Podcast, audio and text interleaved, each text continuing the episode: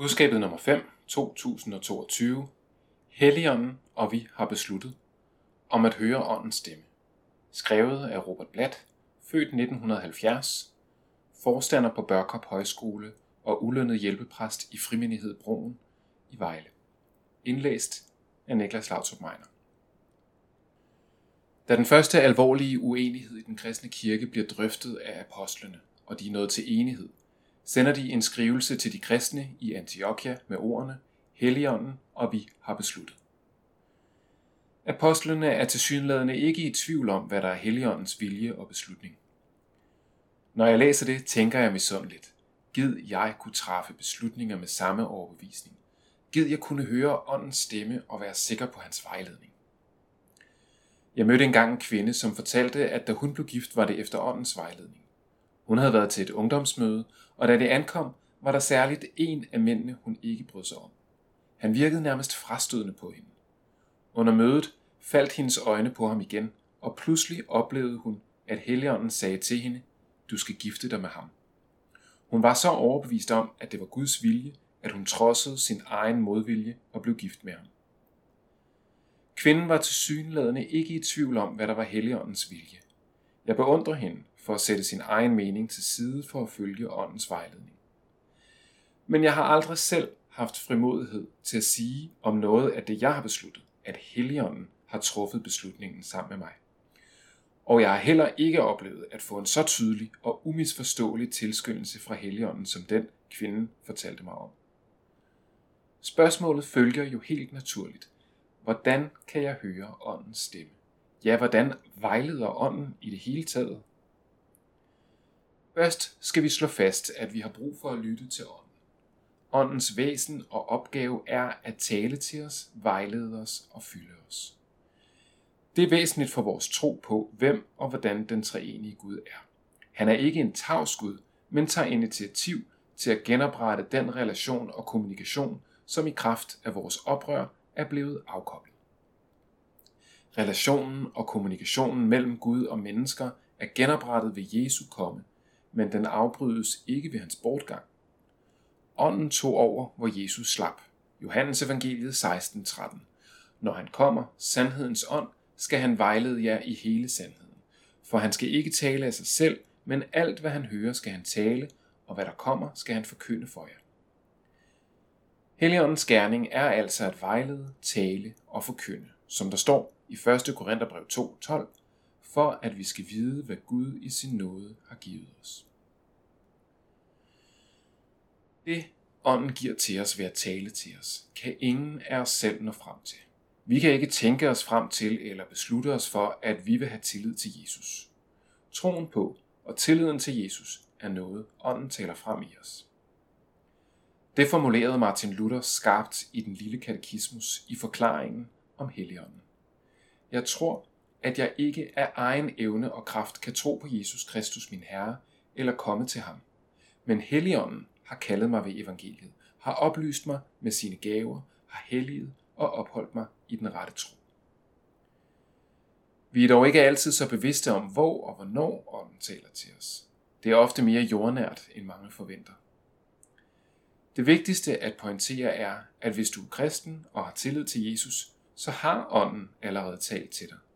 Så er han nået igennem til dig med sit vigtigste budskab. Gud elsker dig så højt, at han gav sin enborne søn, for at du ved tro på ham ikke skal fortabes, men have evigt liv. Vi ved, at ånden har talt til os, fordi vi erfarer følgerne af åndens tale, nemlig troen. Når vi i vores indre, i vores ånd, erfarer, at vi er Guds børn, så er det ikke noget, vi har bildt os selv ind. Det er Guds ånd, der vidner sammen med vores ånd om, at vi er Guds børn. Vi ved også, hvordan ånden taler til os. Det gør han gennem det kristne budskab om Jesu død og opstandelse til frelse for os. Det kaldes i Nytestamentet for evangeliet, livets ånds lov, ordet om korset eller Kristi ord. Hvor som helst dette budskab forkyndes i overensstemmelse med Jesu og apostlenes undervisning, er det ånden, der taler. Og endelig ved vi, hvor ånd møder os med det kristne budskab. Det gør han nemlig i den kristne menighed. Her i Jesus fællesskabet har forkyndelsen af evangeliet sin plads. Her uddeles nadvaren, og her hjælpes mennesker ind i Guds pagt gennem dåben. Her giver vi ved håndspålæggelse tilsavn om søndernes forladelse. Her bredes armene ud til velsignelse. Her er det primære sted for formidlingen af Guds nåde til syndere. Det er ikke det eneste sted, Gud møder os enkeltvis gennem bøn, meditation, Bibelen, kristen litteratur, kunst, samtale. Men åndens mødested har sit centrum i det kristne fællesskab. Vi er øvrigt ikke altid så opmærksom på, at ånden taler gennem kristne, fra bror og søster til bror og søster. Det er en væsentlig grund til at værdsætte det kristne fællesskab. Dietrich Bonhoeffer udtrykte det på denne måde. Guds ord i min brors mund er større end Guds ord i mit eget hjerte. Da Jesus sender sine nærmeste disciple ud for at forkynde evangeliet, understreger han, at Guds ånd, særligt under forfølgelse, vil tale gennem dem. De går ikke med deres eget budskab. Efter Jesu død bliver apostlene på pinsedagen fyldt af Helligånden og begynder straks at forkynde om Guds storværker, endda på mange forskellige sprog. Denne sendelse med et budskab er ikke begrænset til apostlene. Paulus vejleder derfor menigheden til bredt at opbygge hinanden ved hjælp af de nådegaver, ånden tildeler. I Bibelen er der mange eksempler på, at åndens tale gennem et menneske ledsages af overnaturlige fænomener, der er tegn på åndens tilstedeværelse og virke. Men der er også masser af åndsborgen tale til os uden overnaturlige fænomener. Gud taler ganske vist ofte til Jeremias med ord og syner. Men når Jeremias forkynder, er det overraskende sjældent, der sker noget mere overnaturligt, end at han får forkyndt Guds vilje og lykkes med at holde sig i live under forfølgelserne. Det væsentligste i forhold til det med at høre åndens stemme, handler altså om at høre det budskab, som giver os tillid til Jesus og hjælper os med at forstå, hvad Gud i sin nåde har givet os. Samtidig er det tydeligt, at ånden taler til mennesker i konkrete situationer og giver vejledning og hjælp til at træffe beslutninger. Apostlenes gerninger 8-10 er en lang perlerække af eksempler på det. Eksemplerne i Gamle Testamente er også mange. Så er der en mentalitet, jeg skal tilstræbe for at være åben for åndens direkte vejledning, eller en evne til at lytte, som jeg skal opøve. I filmen The Godfather 1 møder vi gangsteren Don Vito Corleone. Han hæver ikke på et eneste tidspunkt stemmen over et niveau, der må betragtes som visken. Når han taler, er alle andre i rummet nødt til at tige for at høre, hvad han siger. Og det er sikkert også hensigten. Han udøver magt gennem sin stemmeføring. Ikke desto mindre er der nogle menneskers og menigheders vejledning i at høre åndens stemme, som får mig til at tænke på Don Vito Corleone. De beskriver ånden som en stille visken, der konstant giver os konkret vejledning. For at vi kan høre den, skal vi dog tige, måske meditere, måske faste, måske opøve en særlig følsom metafysisk høresans. Jeg reagerer intuitivt imod den slags, for det strider imod mit gudsbillede at acceptere, at Gud skulle have problemer med at fange vores opmærksomhed. Men det er også i modstrid med bibelske fortilfælde og forbilleder. I Bibelen er det oftest Gud, der tager initiativ til at få mennesker i tale. Ikke mennesker, der opsøger Guds vejledning. Selvfølgelig. For Bibelen er ikke en samling fortællinger om mennesker, der fik hul igennem til Gud. Den bevidner de gange Gud i historien åbenbarede sig for mennesker.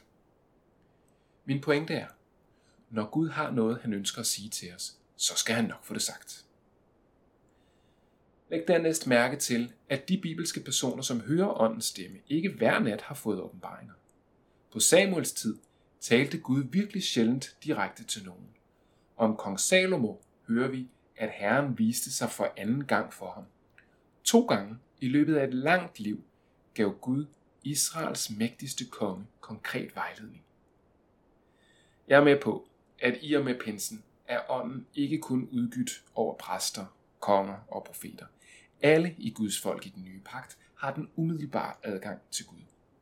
Men ser vi på Nye Testamente og de første kristne, får vi heller ikke det indtryk, at de dagligt fik direkte vejledning fra Gud. Når det er sagt, er der dog noget for os at lære om at være åbne for åndens direkte vejledning. Vi har gode bibelske forbilleder, og vi har den kristne menigheds erfaringer. Vi skal blot gå ind til det med proportionerne i behold og undgå faldgrupperne. Det er værd at bemærke, at da Samuel første gang får en natlig åbenbaring fra Gud, har han brug for at lære, at den stemme, han hører, er Guds røst. Desuden skal vi lægge mærke til, at Eli næste dag får Samuel til at fortælle, hvad Herren har sagt til ham. Samuel måtte have teologien i orden. Gud er en Gud, der åbenbarer sig. Og Samuel skulle ikke være alene med åbenbaringen. Eli fik ham til at dele den. Om Eli har tænkt, at Samuels åbenbaring skulle prøves af en erfaren mand, ved jeg ikke. Men det er i hvert fald en god regel. Syner og ord kan komme fra andre kilder end Gud. Så mener du at få noget af dette, så del det med en erfaren kristen, der kan prøve det op imod Guds ord og den kristne erfaring. Vi må gerne opsøge og bede om en særlig vejledning og åbenbaring. Men vi skal ikke forestille os, at det er normal situationen for en kristen, at Gud viser sig for os og meddeler os åbenbaringer gennem ord og visioner. Den kvinde, der oplevede, at ånden sagde til hende, at hun skulle gifte sig med en bestemt mand, lever i øvrigt ikke længere. Og det gør hendes mand heller ikke.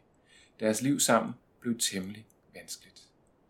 Manden havde efter min vurdering nogle psykiske udfordringer, og i lange perioder forlod han hjemmet for at gå på landevejen. I de perioder var kvinden efterladt med deres børn, husholdning og økonomi. Var det Guds vilje, at de blev gift? Det kan jeg ikke svare på med sikkerhed.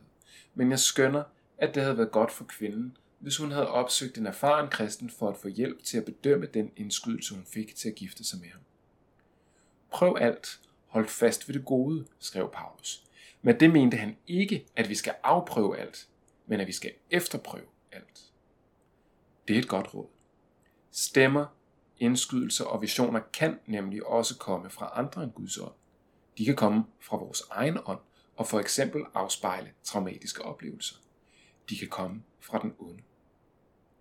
Det lærer vi af apostelmødet i Apostlenes Gerninger 15, som jeg nævnte i indledningen.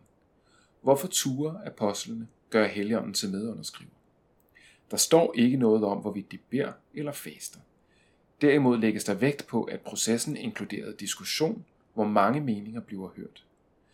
Derefter har Peter et indlæg, hvor han fremhæver evangeliet og erfaringerne på missionsmarken. Og endelig peger Jakob på, at beslutningen er i overensstemmelse med profeternes ord. Det var en meget åndsfyldt beslutning, der kom ud af apostelmødet. De nåede frem til beslutningen ved at kende evangeliet, skriften og Guds ånds virke i menigheden. Hvis vi gerne vil lære at lytte til åndens stemme, er det her, vi skal begynde. Så vil vi langt bedre være i stand til at bedømme andre åbenbaringer og vejledninger, som ånden måtte give, når og hvor han vil. Du kan finde flere artikler eller bestille et abonnement i trygt eller digital form på budskabet.dk.